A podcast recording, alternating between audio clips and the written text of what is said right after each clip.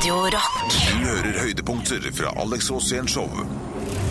Alex Rosén-show på Radio Rock. Og Alex, vet du hva? Hallo, hallo. Hallo, Da er vi i gang igjen. der var frantoloka. Ja, I dag må du ta litt ansvar, altså. Jeg vet, for du ser Ja. ikke du ser litt bleik ut nå. Ja. Hva har skjedd? Nei, eh, nei, hva skjedde? Altså, det var vel egentlig bare det at jeg tok ut motorsykkelen litt tidlig, kanskje, og det var litt kaldt, da. Og så fikk du bakteriell smitteforsyning. Nei, sånn uh, hals- og ankelnedkjøling på en sånn nivå som ikke harmonerer helt med frisk fremferd. Jøss, har du rota det til? Ja. Men da har jo klippen Alex Rosén å støtte meg på, selv om eh, feberklokka står og bånner inn på rødt her, så, så er det jo ikke noe fare. Da har jeg bare en ting å si. Welcome to showbiz. jeg tror jeg aldri har vært sjuk, jeg. Men jeg, tror, jeg, jeg mener jeg har aldri vært sjuk. Hva med, hva Jeg har bare vært sjuk til sinns.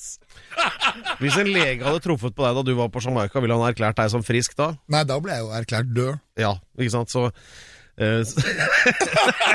Det der var bare delvis sant, Alex. Ja, men det er ikke sant, i showbiz det er sånn som Wenche Foss, hun ble spurt Har du noen gang vært øh, fraværende fra scenen? Ja. Har du vært syk? Ja. Nei, aldri. Selvfølgelig har du vært syk, men du går alltid på jobb. Det er ja, poenget. Ja, ja, sånn er det. Eh, sagbugg, hester og sirkus og alt det der greiene der. jeg skulle ha show på Lillehammer-OL. Jeg hadde hadde 42 i feber. Skal du ha soundtrack? Nei! Og så kom det ut Da et ett minutt til du skal på scenen. Ja, da kom jeg. Og så gikk jeg ut, og så hadde jeg show i en og en halv time. Og så gikk jeg, og så besvimte jeg i bilen. Og så kjørte Peter Hullmann meg hjem. Kan du huske noe av det du gjorde på det showet? Eh, Nei, Nei. men jeg husker ikke hvordan jeg kom meg hjem heller. Det var for eksempel sånn Stavanger Nei, det var Lillehammer, og så var det inn i bilen, og så var jeg hjemme. Dette er Alex Rosén Show på Radio Rock. Jeg elsker sånne Vi snakker om eh, showbiz her, og Alex hevder at han aldri har vært syk. Eller vil si han har aldri vært eh, fraværende fra egen forestilling, show eller opptak eller filminnspilling.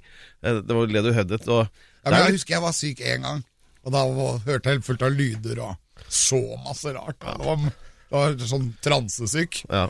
Og da husker jeg at eh, da gikk jeg rett til legen, og så fikk jeg sykemelding, og der sto det hypokondrisk tendens. Og da sa du 'å nei, det òg'. ja, det er sånn herre. Men jeg er syk, men du helt- innbilt sykdom. Ja, ja. Men du, altså, alvorlig talt, eh, sånn som ta, ta han der Toralf Maurstad, det så jeg nå her litt tidligere.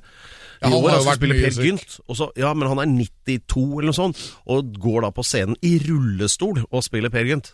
Ja. 92 år gammel. Så Ja, jeg vet ikke, vi har ikke så mye å klage på. Men du, eh, apropos det, da gratulerer vi han litt med det, men det er ikke det som er Gratulerer, dagens. Og så har vi rota bort den gratulerer-jinglen, så vi må lage den live. Er du klar? Ja, ja. Klar, ferdig, gå. Gratulerer, gratulerer, gratulerer, gratulerer, min venn. Gratulerer, gratulerer, gratulerer til vi ses igjen. Sånn. Gratulerer, gratulerer, gratulerer, gratulerer, gratulerer, gratulerer, gratulerer, gratulerer, gratulerer, gratulerer, gratulerer, gratulerer, min venn. Ja, vi må ha. Tid til litt annet enn jinglen også. Husk det. Hvem skal vi gratulere i dag? Eller du, da. Tenk hvis vi bare hadde hatt tid til jinglen, da, Per. Ja, det I dag så skal vi gratulere mannen bak verdens feteste platecover. Ok. Det er reunion, og det platecoveret er så bra. Det er bilde av en dame som prøver å kneike en kobra. Og jeg elsker okay. det. Jeg husker Hver gang jeg kom i platesjappa da jeg var liten, så måtte jeg stoppe litt ekstra ved det coveret, for det var litt flott. Ok. Og det er Whitesnake. Oh, ja. Whitesnake skal ha reunion, og vi skal gratulere David Coverdale. For de- endelig har funnet det. Du skal ha reunion nå, eller? Ja, ja, De har hatt reunion hvert år da, de Ja. siste 20 åra, men de har ikke gitt seg. Dette er Spinal Tap om igjen. og jeg mener at det skal gratuleres. Vi gratulerer de. David Coverdale og Whitesnake, the one and only band. Og du syns jo de er litt funky, Per. Ja, det er det. Ja, Ja, men det er, ja, men det, er det altså. Ja, har minner deg litt om han, eh, ikke Billy Ocean. Nok om det. Dette er Alex Rosén Show på Radio Rock. Du er morsom i dag, altså, Pedro. ja, ikke sant, Tenk hvis du hadde vært syk hver dag. Ja, ikke sant? Helt koko-radio. Ja, tipper det var de tablettene jeg fikk av deg, jeg. Ja, De uten De virker i hvert fall. Det var bare sånn smilefjes på dem. Skal vi se Metallica, ja. Sad but true. Nå er det eventyrstund her på Alex Rosén Show. Alex skal dele en historie fra Du tok en sjøl òg, ja? Ja. Da blir det ekstra gøy, tenker jeg, når vi nå får høre historien til Alex, da. Fra hans Ja. mangslungne liv om Hva var det igjen? Slektsforskning, var det. Ja, Vær så da, god. jeg har forsket i slekten min, Ja. og jeg har funnet ut veldig mye rart.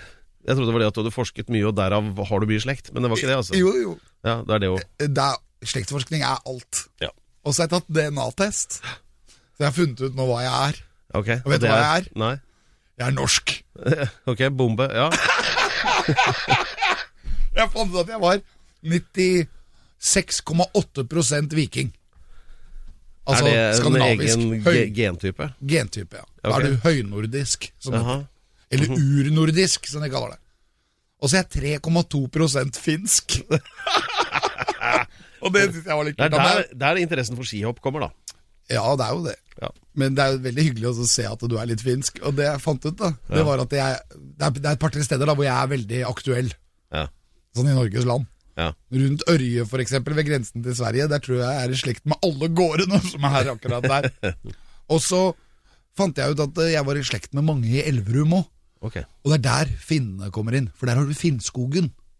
Og i Finnskogen den heter jo ikke det for ingenting. Den heter det fordi der var det mange finner. Ok. Ja, du vet hvor vi er nå? Ja, ja. Våler, Solør, Ja, Flisa ja. Inn mot svenskegrensa, liksom. Ja, men det blir jo i Norge fortsatt, da. Oppi der, da. Ja. Ja. Jeg vet det, du, skau, vet jeg. du har jo veldig kongler bra geografisk geografisk retningssans. Du eier jo ikke Stenslands, Per. Overhodet ikke. Jeg aner Men i hvert fall, da. Der fant jeg ut hvor den finske tilslaget i min familie kommer fra. Ja, ja. Fordi at jeg fant nemlig en politirapport fra 1850.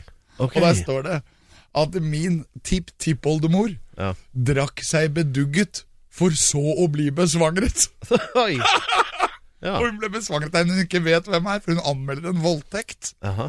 Og da står det at hun skriver at eh, han kan ha hett Ola Ole eller Olav. eller noe sånt. Ok. Ja, du er i slekt med henne, det hører jeg allerede. Ja, ja. og hun var veldig glad, da, for hun hadde jo da fem barn med forskjellige menn. Ja. Og det var ganske heftig, altså, i 1850. Da var du hardcore. Men får du sånne opplysninger altså, bare ved å sende inn sånn DNA-prøve? Ja, ja. Og det er bare helt utrolig. Og jeg er så fascinert. Jeg skal lage et eget radioprogram om det nå. Ja. Men har du oppdaget andre du er i slekt med, da, som, eh, eh, som du ikke visste om? Ja, jeg har oppdaget at jeg er i slekt med over 9000 mennesker nå som lever. Okay. 9000! Jeg skal Ja. invitere alle sammen til svær fest på Svinesundbrua. Når da? Det blir neste år. Ok. Det uh... Plutselig er du og jeg i slekt, du, for du er jo i slekt med alle i Hustadvika. Du vet det. Ja, det stemmer. Du er jo Pedro Hustados. Yes. Så det er liksom Hustadvika, Canada og, og Snåsa. Det er liksom det det går i. Ja, Det er et fantastisk sted å være i slekt med. Ja visst. Alle som bor der, er i slekt med deg. De ligner på deg. Ok, Så Alex Rosén eh, reunion slektstreff med 9000 mennesker på Svinesund neste sommer. Det, Det blir festen sin. det blir det kan man Hva skal jeg bare stå og si? Come to daddy! Alex-festivalen. Come Liksom. to daddy right now! Rock and roll! Ja, velkommen til Genpølen. Greit. Dette er Alex Rosén Show på Radio Rock. Ok, Pedro. Er du våken? Ja, ja, i hvert fall delvis. Ja, Hvordan er det å være syk i dag? Nei, du, altså, Det er artig at du skulle spørre om det. Nei, Jeg tipper på halvannen grad feber, altså over normalen. Det vil si at uh, sånne ting som f.eks. hvor jeg har parkert motorsykkelen, er borte nå. Og uh, egentlig det meste annet om det som skal skje i dette programmet, så det kan jo du ta nå. Jeg kan jo fikse det. Eh, Hvordan da? Jeg tar to fingre. Uh, vil, vil jeg høre resten av dette? Ja, men Jeg kjenner litt på mandla dine, da. ikke sant? Ja. Klemmer jeg ut det som er, er råttent. Så blir du frisk. Eh, god ord. Jeg er helt rå i kinesologi. Jaha. Er det, er det det det heter når du tar to fingre i mandlene? Ja, Ah, det er kinesologi. doktor Jeg er veldig bra på det. Jeg er veldig bra på å gjøre folk friske som er veldig dårlige. Og du er, jeg ser jo at du er dårlig i dag. Ja. Men Ja. Pedro, det gjør ikke noe. Jeg, du er tilgitt. Ja, Men uh, fortell oss heller litt om det som skal skje utover i sendingen. Du skal jo kåre årets tette, nei, ukens tetteste sted snart. Ja, har, du ukens tettsted. har du tenkt ut noe der? Ja, ja, Du har noe på gang? Ja, jeg er alltid forberedt, Pedro. Ja, Det er veldig spennende. Det er jo sånn at De som hører på, tenker jo kanskje det er mitt sted. Ja, Eh. Og jeg vet at det er mange steder rundt i landet, og alle har de hver sin sånn skjerm. Ja, Og nå i dag så kommer det faktisk et fantastisk tettsted som jeg mener at alle i Norge bør dra til. Fordi at det, man kan oppleve kanskje noe av det som er unorskt Tøft. Dette er Alex Rosén Show på Radio Rock. Radio Rock, Alex Rosén Show og Alex skal kåre ukas tettsted. Kjør tett jingle. Tettsted!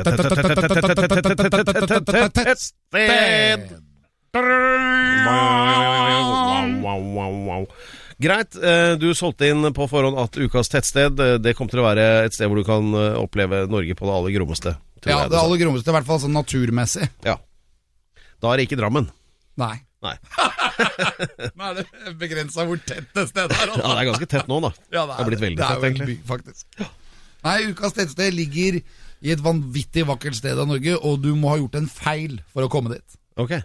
Det betyr at du kommer til et sted, og så skal du inn i et annet sted, Ja. og det er nesten umulig å komme seg dit. Ligger det i en sånn fjerde dimensjon eller noe sånt? Ja, Det ligger eh, litt sånn annerledes til. For at når du kommer dit, da Dette her, er- her er ganske langt nord. Vi er fortsatt i den vakreste delen av landet, og vi er på Andøya. Aha. Andøya har nemlig to sider. Den ene er øverst, og den andre er nederst. Og du kommer alltid inn på Andøya nederst. Og så kjører du oppover for å komme deg til Andenes, og så kommer du til Andenes, som er et fantastisk sted. Det blåser litt der, men det er veldig bra der. Og der har du hotellet Andrikken, eller som Ja. jeg kaller Anne. veldig morsomt. Ja. Og der er det veldig fint. Og jeg syns at det er et sted man aldri må glemme. Men hvis du kjører tilbake igjen, og ut av Andøya, så kan du velge to veier. Østsiden av fjellet eller vestsiden. Og vestsiden, det er den gamle veien som ingen kjører. Og hvor du føler at du har kjørt helt feil vei. Og da kommer du ut inn med en gang etter Andenes. Så kommer du inn til ukens tettsted, Aha. som er kanskje hovedtettstedet i hele år. For det er ingen steder som er så vakkert. Og det er Bleik! Hæ? Ukens tettsted er Bleik. Bleik? Ja, det er deg det, Per, i dag. Ja, det er det. Jeg tenkte at vi måtte ha noe som rimet med at du er syk. Du, dette er ikke noe du finner på, ikke sant? Nei, nei, nei. Bleik er helt fantastisk. Det er fire hus der. Ja. Og de er alle fra 1800-tallet eller 1700-tallet eller 1600-tallet. Og det er sånn gammelt og flott. Og det er en dal som bare dundrer innover på en øy. Og den er helt lukket. Det er umulig å komme seg inn der hvis du ikke har kjørt feil. og så får du følelsen av at dette er jo det Norge jeg elsker. Dette er det vakreste stedet på jord. Og jeg mener at det er det vakreste stedet i hele Norges land. Bleik.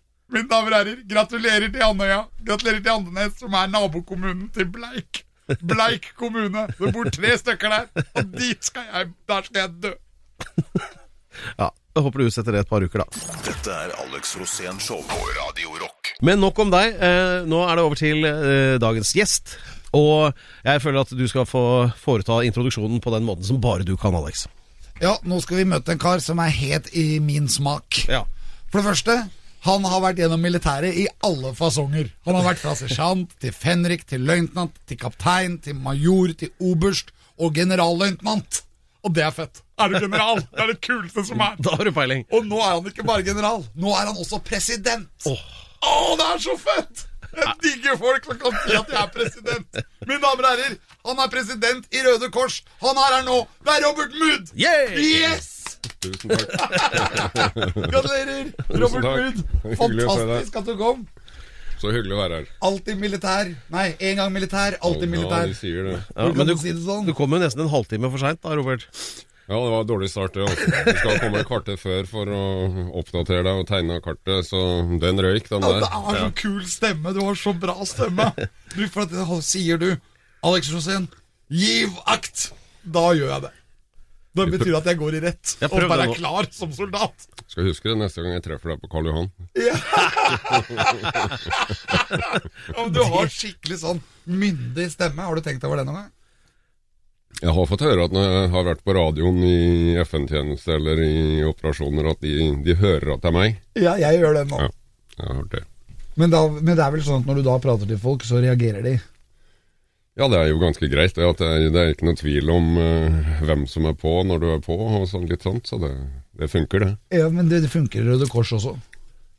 Ja, det får du nesten spørre de om, da. Men eh, jeg opplever jo at det er veldig mange som er gode til å bruke ørene litt mer enn munnen i Røde Kors. eh, Og det prøver jeg på sjøl òg, for det er jo vanvittig mye å lære. En Ja. fantastisk organisasjon. Så jeg har jo lært mer nå de siste par åra enn jeg har gjort de foregående ti, iallfall.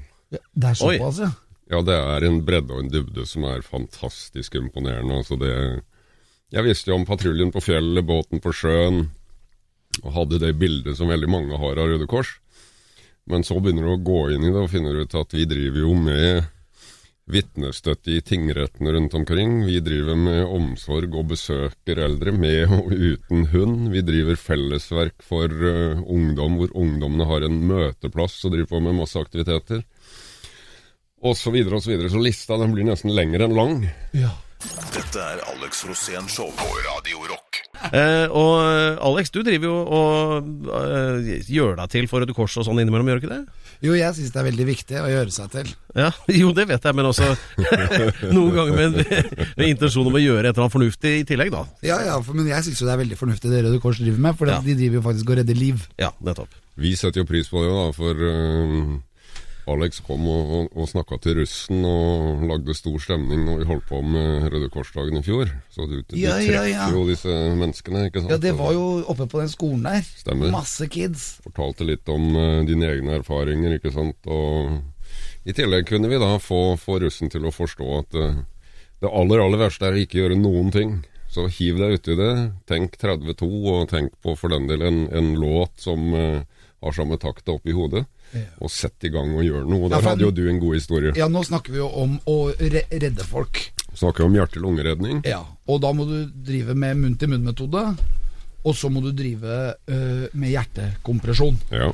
Og det er jo teknisk sett ganske lett å, å, å lære seg på en måte. Men jeg var ikke forberedt på det at det er psykisk tungt når det først skjer. For du holder jo på med en person som holder på å dø. Og så er det lett å, lett å tenke, at å, er jeg i ferd med å gjøre noe galt? ikke sant? Tør jeg og alt det der? Ja, fordi at det jeg gjorde var at jeg ø, var på en fest, og så var det en dame som ø, døde av overdose inne på do. Det visste jo ikke jeg, jeg skulle jo bare på do og tisse, og så satt hun her og var helt blå. Og jeg ble ganske nervøs, for det var jo Jeg skjønte jo at hun var, hadde det ikke så bra. Og så dro jeg henne ut, husker jeg, ut med den sprøyta og la henne på gulvet, og begynte med hjertekompresjon og munn-til-munn-metode. Og jeg tror jeg startet hjertet på henne åtte-ni ganger. Men hun hadde jo en overdose, så hver gang vi fikk starta hjertet igjen, så førte det bare til at det blodet som var toksifisert, eller forgiftet av heroin, kom tilbake til hjertet, og så døde hun igjen. Og det var gang etter gang, og det jeg ikke var forberedt på, var jo det at eh, jeg begynte jo å grine. Og jeg begynte å grine, og, og, men fortsatte med den jobben. Og så tok det tre kvarter før sykebilen var der. Det var sikkert fordi det tok veldig lang tid den gangen. Og så kom, kom han inn, og så spurte han. Uh, og da satt jeg der og grein liksom og så på han. Og så sier han det at uh, han gir en adrenalin, for det er måten de gjør det på. De gir adrenalin. Så jeg ga han én adrenalinsprøyte, og så ga han én til. Og så måtte han ringe til sykehuset for å spørre om han kunne gi den tredje. Og da fikk han bare svar 'kjør på'. Og så satte han den siste adrenalinsprøyta, og da våkna hun dama og gikk i taket. Og så så han på meg, og da hadde jeg sett Hun hadde, hatt, hun hadde vært oransje, blå, lilla, grønn. Hun hadde alle farver. Og så så jeg inn i øya, og så sier hun til meg ah, Ribbeina mine. For hun var jo helt ute. Og hun hadde så vondt i ribbeina, for jeg hadde helt sikkert knekt et ribbein på henne. Men hun overlevde. Og vi holdt på med i 40 minutter. Og det er mange, mange, mange viktige poenger der. Det ene er at vi, vi må tørre. Det tar eh, mellom ett kvarter og en og en halv time før ambulansen er der.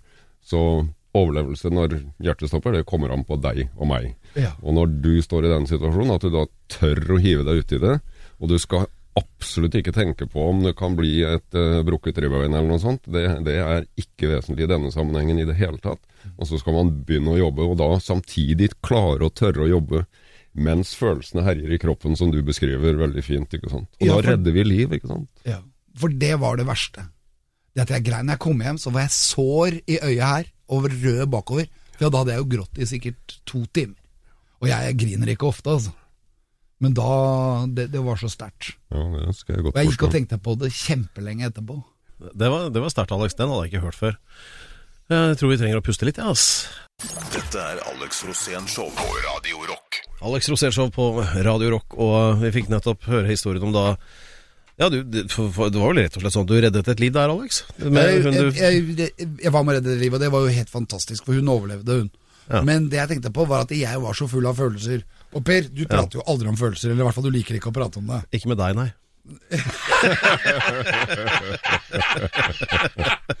Så bra, men hva skal vi gjøre for å få Per til å snakke mer om følelser? Det måtte være selv om deg ut av rommet. Ja, men du er en tøff mann, Per. Jeg syns du er kjempetøff. Men han snakker ikke om følelser. Hva er hans problem, eh, Mudd? Han har ikke noe problem i utgangspunktet hvis han bearbeider følelsene på en annen måte. Altså Det går jo an å Det er aldri dumt å snakke om følelser. Det verste som er hvis man sliter med et eller annet, det er å være aleine. Det er mange måter å bearbeide følelser på. Eh, og alle er forskjellige. Noen de er sånn at de, de setter i gang og prater og, og prater og prater, og følelsene kommer ut samtidig med orda, også overfor fremmede mennesker, uten å nøle. Mens andre så tar det litt lengre tid, da, og det sitter Sånn litt sånn mer fast. Og det sitter litt fast, ikke sant. Og da, Sitter litt fast er hos Per, det tror jeg. Ungguttene kan sette seg f.eks. foran og, og, og spille, og så er det de fire som sitter skulder ved skulder i sofaen og spiller. De snakker ikke et ord om et eller annet vanskelig, eller han ene ikke sant, som føler at han ikke helt strekker til og er litt sinna. og Snakker ikke et ord om det. Man sitter sammen med de andre, og så snakker de kanskje om gaming, og de ser kanskje på gaming på YouTube, og, sånn, og det er også en vei inn til å bearbeide og ventilere. Så det er mange måter å starte den prosessen på, som så sant vi får det til, bør ende med å sette, forsøke å sette ord på det vi føler. Og der kan vi voksne være veldig gode eksempler. da. Men At vi tør å er jo om det. voksen, og Per er jo voksen, da. Han er jo 50 år. Og, men han snakker Han er ikke om følelser. Han snakker ikke om følelser. Mhm. Hva liker han å gjøre da? Ja, nei, ikke, bare ikke tenk på meg. Jeg bare er her, jeg. jeg tror, det som er, det som er litt deilig. Nei, og da tar jeg et spaken her, så bare fader jeg dere ut. Det er skikkelig digg. Det, det, er makt, eh, det er ikke maktmisbruk, det er maktbruk. Dette er Alex Rosén Show på Radio Rock. Radio Rock, Alex Rosén-show på en eh, lørdag. Og eh, vi har storfint besøk av en president i dag. Det er Robert Mood som er president i Norges Røde Kors. Som også vår faste gjest, da, Alex Rosén, Tusen takk. er en slags sånn gallionsfigur for I hvert fall innimellom, da. Så hvilke planer har du sånn for å bistå Røde Kors i arbeidet fremover, Alex? Jeg har veldig lyst til å snakke om det som jeg bryr meg om veldig nå, nemlig menn og konseptet følelser. Ja, ok. Du får ta det med Robert som sitter her. Han, eh, han har jo til og med skrevet eh, avisinnlegg om det nylig. Jeg så, nå har ikke jeg den teksten foran meg her, men jeg mener at du i hvert fall var med i en debatt, Robert, hvor noen hadde etterlyst at unge gutter da kanskje særlig skulle snakke mer om følelser, men så sa du at man skal ikke føle det som et press eller noe. Altså Man behøver jo ikke å skravle så mye, eller kanskje du kan forklare litt hva du mente med det? Ja, det, I Røde Kors, da, for å ta den, korte, den lange historien kort inn til det, så ser vi jo at blant unge så er det økende psykiske utfordringer pga. press og kroppspress og forventningspress, og det handler om skolen, og det handler om eh, influensere som forteller deg at veien til lykken er å gå til en kosmetisk kirurg som kan fikse på det, og så leiter du etter feil på deg sjøl. Det er veldig mye. Men det som trigga at jeg satt tok inngangen med å sette fokus på gutter her, det var at det er en slags kollektiv fortelling der ute om at eh, hvis du ikke klarer å snakke om følelsene dine med en gang, som er det første du gjør for å bearbeide følelser, så er det noe galt med det. Og tenk deg altså en, en gutt mellom 10 og, og 18 et eller annet sted, da, som, som har følt at han ikke strekker til, og han er sinna inni seg, og så, skal han liksom utsettes for at eh, han skal prate om dette med en eneste gang, mens knutene inni der den blir bare større og større og hardere og hardere. Så det blir bare enda mer press. Og da blir det enda mer press, og da blir det enda verre, og da føler du deg enda mer som en taper. Ja. Så det er en del ute. Det er ikke sånn gutt-jente-greie. Alle mennesker er forskjellige. Uh, men uh, vi må være klar over at det er riktig å bearbeide følelser, ventilere følelser, på mange andre måter enn bare å starte den dype samtalen med en gang. Men det ligger jo litt forventninger også i oss gutter. Og det ene er jo f.eks. store gutter gråter ikke. Ja. Og vi er jo, det er forventet at vi som menn skal være litt tøffere og ikke prate om følelser, for at vi rett og slett skal bare gjøre jobben. Ja, jeg har jobba i et yrke i mange mange år og vært ute på oppdrag og hatt ansvar for noen av de tøffeste av de tøffeste eh, når det gjelder dette, dette her. Og det, og det som er forunderlig der, da, i motsetning til stereotypien om at eh, tøffe gutter ikke prater om følelser, ikke bearbeider følelser og er sånne steiner som man bare kan hamre løs på, det er at jeg har øh, faktisk sjelden sett, også etter et par år i Røde Kors, mennesker som har vært så flinke til å bearbeide, ventilere og snakke om følelser. Og i tillegg så er de jo altså ikke redde for øh, fagfolket. altså De er ikke redde for psykologene. Så vi hadde jo med oss øh, psykologer ut på oppdrag. Sånn at når, Hvis du og jeg hadde vært oppe i en tøff situasjon, så var det første at vi snakka sammen og gjorde opp oss imellom. Hvorfor gjorde du det, og hvorfor gjorde ikke du det, og hva ble resultatet, og alt det der. Men så kanskje låser det seg litt eh, i den samtalen mellom oss som kjenner hverandre. Og så får vi hjelp av at psykologen kommer inn og stiller de riktige spørsmålene, og så går man videre. Så Det at uh, tøffe, barske menn på tøffe oppdrag ikke bearbeider følelser, ikke snakker om følelser, det er en myte. De er faktisk veldig dyktige på det, og det pussigste er at omsorgsgenet er noe av det mest fremtredende hos disse gutta. Dette er Alex Rosén Show på Radio Rock. Og um, dette er altså Alex Rosénshow for de som skulle være det aller minste i tvil. Uh, Alex brenner inne med en hel rekke gode temaer å ta opp med vår høyt ærede gjest, som er presidenten og intet annet i Norges Røde Kors, Robert Mood. Og nå, Alex, hvor skal du utdanne oss på nå? Jo, tusen takk, Per. Veldig flott intro av meg. Jeg vet, jeg vet du liker det. Du skulle gjerne hatt hatt en minst- tittel, veit jeg. Han er ikke minst president eh, Robert Mood også. Ja. Men det jeg lurte på var, når vi snakket i stad om menn og følelser, så snakket vi om ressurssterke spesialsoldater som på en måte helt sikkert har øvd seg på å prate om følelser, og som kan et par nøkler på å, å overleve, på en måte, da. Men jeg tenker på de ressurssvake, de som kanskje har en diagnose, ADHD eller et eller annet. De som ikke har, klarer å snakke om følelser fordi at de er ikke øvd til det. Hvordan skal vi ta vare på dem? Når vi snakker om disse som er eh, ressurssterke, som trener hardt og, og, og har også en, en diskusjon og en opplæring i hvordan å bearbeide følelser, så er det viktigste er ikke at de er flinke til det. Det, det er ganske naturlig, som du sier. Det viktigste er at eh, vi får ut til alle andre at det, når de tøffeste av de tøffe på en måte syns det er greit å bearbeide følelser og komme videre til den dialogen med forskjellige teknikker, og at psykologer ikke er farlig, ja da er det iallfall ikke farlig for alle oss andre heller. Så det er det viktigste budskapet der, syns jeg da. Til de, ehm, de som da ehm, starter med et annet utgangspunkt, så er det mange veier inn da. Jeg, ser for meg mange ganger han ehm, tiåringen som kanskje akkurat har sparka søppelbøtta veggimellom inne i klasserommet fordi at han er inne på et spor hvor han har følt at han ikke strekker til. Um, og så er det eh, noen som har veldig lett for å snakke om følelsene og er i full gang med det på fremste pult, for å si det sånn, og så sitter han bak der, og så kjenner han at han får det ikke til, og så knytter det bare sterkere og sterkere. Da må vi velge en annen vei inn. Da må vi ta vedkommende, kanskje hvis han er glad i, glad i ballspill eller noe sånt. Da finner vi fram ballen, og så, så går vi en tur ut. Og så er vi i lag der ute på grusbanen, og så spiller vi ball, og så kommer kanskje lirker det litt etter litt, og så må vi passe på å si at jeg forstår veldig godt at du er sinna, for det der var ikke greit. Og jeg skjønner også at du ikke har veldig lyst til å prate om det, men nå, nå gjør vi noe annet litt isteden. Dette er Alex Rosén Show på Radio Rock. Eh, Presidenten i Norges Røde Kors, eh, Robert Bud, og eh, den tidligere kraftgardisten Alex Rosén. Ikke le av det. Jo, jeg ler Ja, av det. Altså. Nå blir jeg forbanna. Jeg vet det, Nå og kjenner jeg- at jeg koker inne. Du har jo personlig sørget for overlevelsen til vår tidligere konge Olav. ja, riktig. Jeg var jo hans vakt. Ja. Så jeg passet på kong Olav på uh, Kongsgården på Bygdøy. Jeg passet på kong Olav på Slottet, Ja. og jeg passet på han på Skaugu. Det var der jeg møtte han. Jeg var også vakt på Akershus festning, men der passet jeg stort sett på horekunder.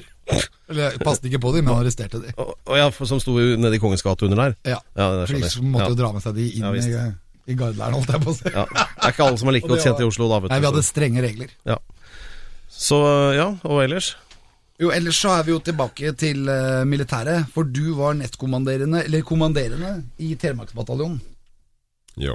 Og Telemarksbataljonen den er det jo mange som tror var nyetablert på 90-tallet, men det var den jo ikke, fordi Telemarksbataljonen er jo flere hundre år gammel. Den har overlevd veldig mye, da, og du kan trekke eh, historien tilbake via Telemark infanteriregiment nummer tre, og der var det jo flere bataljoner med det navnet.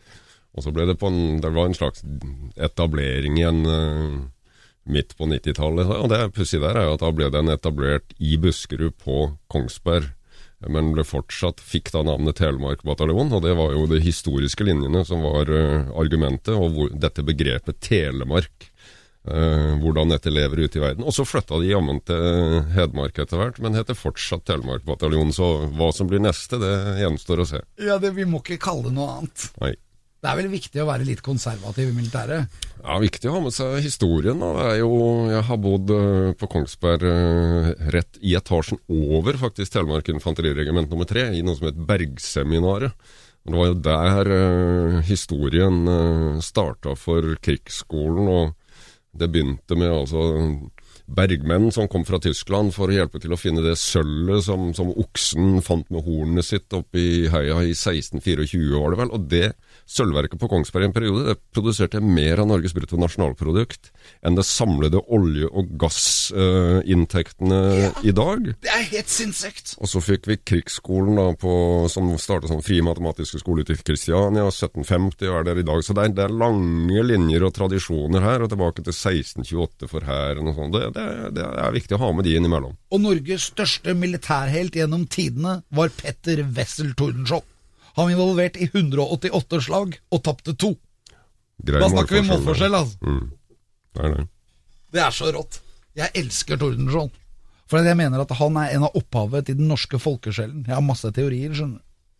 Vet, du, den, eh, den eh, dagen vi var gjennom eh, for noe tid tilbake, 8. mai, eh, det er veterandagen og det er frigjøringsdagen, men også Røde Kors-dagen. Og det var fordi at Henri Dunat, en, en forretningsmann som var på reise i Italia for å treffe Napoleon den tredje, han kom midt oppi et svært slag med flere tusen døde og flere tusen sårede. og så ga han opp, eller han la til side ideen med å reise til Napoleon den tredje for å få da en tillatelse til å drive enda mer business og tjene enda mer penger. Og så slo han seg sammen med de lokale, hovedsakelig kvinner, og så tok de tak i den oppgaven med å pleie disse. Og der starta den tanken om at hvert menneske har en egen verdi. For fram til det på slagmarken, så var altså mennesket forbruksvare. Ja, Men var dette fødselen av saniteten? Ja, og det er jo et annet viktig poeng, for det starta jo da som Saniteten og, og Røde Kors som støtte til den militære saniteten for å hjelpe syke og sårede på slagmarken. Og før det jo- så lå de bare og, og skreik. Ja, de marsja jo, altså den amerikanske borgerkrigen, så marsja jo 10 15 20 000 unge menn skulder ved skulder rett inn i kardeskladninger og ble revet i fillebiter, men de var forbruksvare. Dette er Alex Rosén Show på Radio Rock. Radio Rock og Alex, hvis det er noe blod igjen som du ikke har sendt av gårde til sånn slektsforskning nå, eller har du noe mer på tanken? Jeg har litt rann igjen. Ja, da foreslår jeg at du sender, gir et eh, Robert Mood som sitter ved siden av deg her, presidenten ja, i Norges Røde Kors, for nå er det den tida på året hvor vi skal tenke litt på det der. Ja, på å gi blod. Hva er det som skjer, Robert Mood? I Røde Kors i, i 2018 så fikk vi um, mange flere blodgivere, og det er, eh, det er mange som, som er opptatt av dette med å gi blod. Og det å sette, sette dette temaet på dagsordenen, det handler også om at hvis du, hvis du sitter i en forsamling, da, så tror jo alle det at de kommer ikke til å komme ut i en, eh, en ulykke hvor de kommer til å trenge blod. Det er liksom sånn som foregår på operasjonsrom og, og litt sånt. Men da skal du snu deg, så skal du se på naboen din, og så skal du vite at i løpet av livet så kommer annenhver nordmann til å trenge et blodprodukt. Annenhver kommer til å trenge et blodprodukt i løpet av livet. Og det er eh, grunnen til at dette er så fryktelig viktig. eh, Og at vi trenger da Vi mangler fortsatt ca. 30 000, tror jeg, for å, for å, dekke det behovet som omtrent er der da. Men jeg tenker at det, dette her er egentlig veldig enkelt. At eh, de som, eh, de som eh, i hvert fall tror at de kan ja, kvalifisere som blodgivere, da. For det er jo ikke alle som gjør det hvis man tar medisiner eller hva det måtte være. Eh, Men, eh, men uansett, det trengs ganske mange, og det er et stort behov. Så det er jo ikke noe å lure på. Altså De som tror de kan bidra, det er bare å gjøre det. Ja, dette er viktig. Annenhver annen nordmann kommer til å trenge det blodprodukt i løpet av livet. Og da er det viktig at så mange som mulig av oss ikke lurer på om vi har det rette blodet eller noe sånt. Bare ta kontakt, og så eh, tar man det videre derfra. Så dette er til alle rockere i hele Norge. Kom dere på sykehuset, lever blod. Rockeblod, ja. Det er en he helt egen kategori.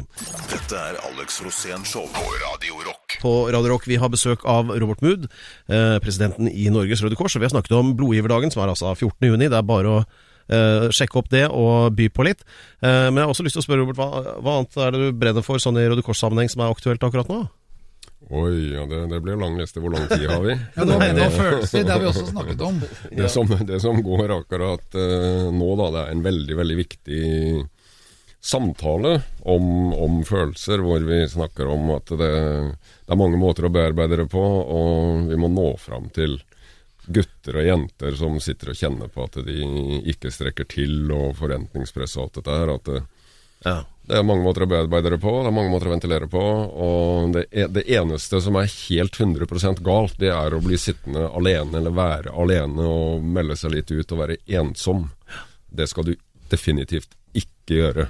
Alt annet, enten det er en tur på Løkka med ballen, eller det er eh, å sitte sammen med kamerater og game, eller om det er å, å være på trening, eller om det er å sitte og snakke sammen, gutter og jenter der og da.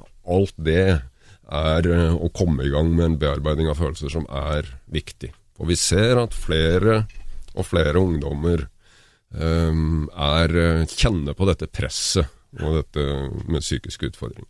Ja.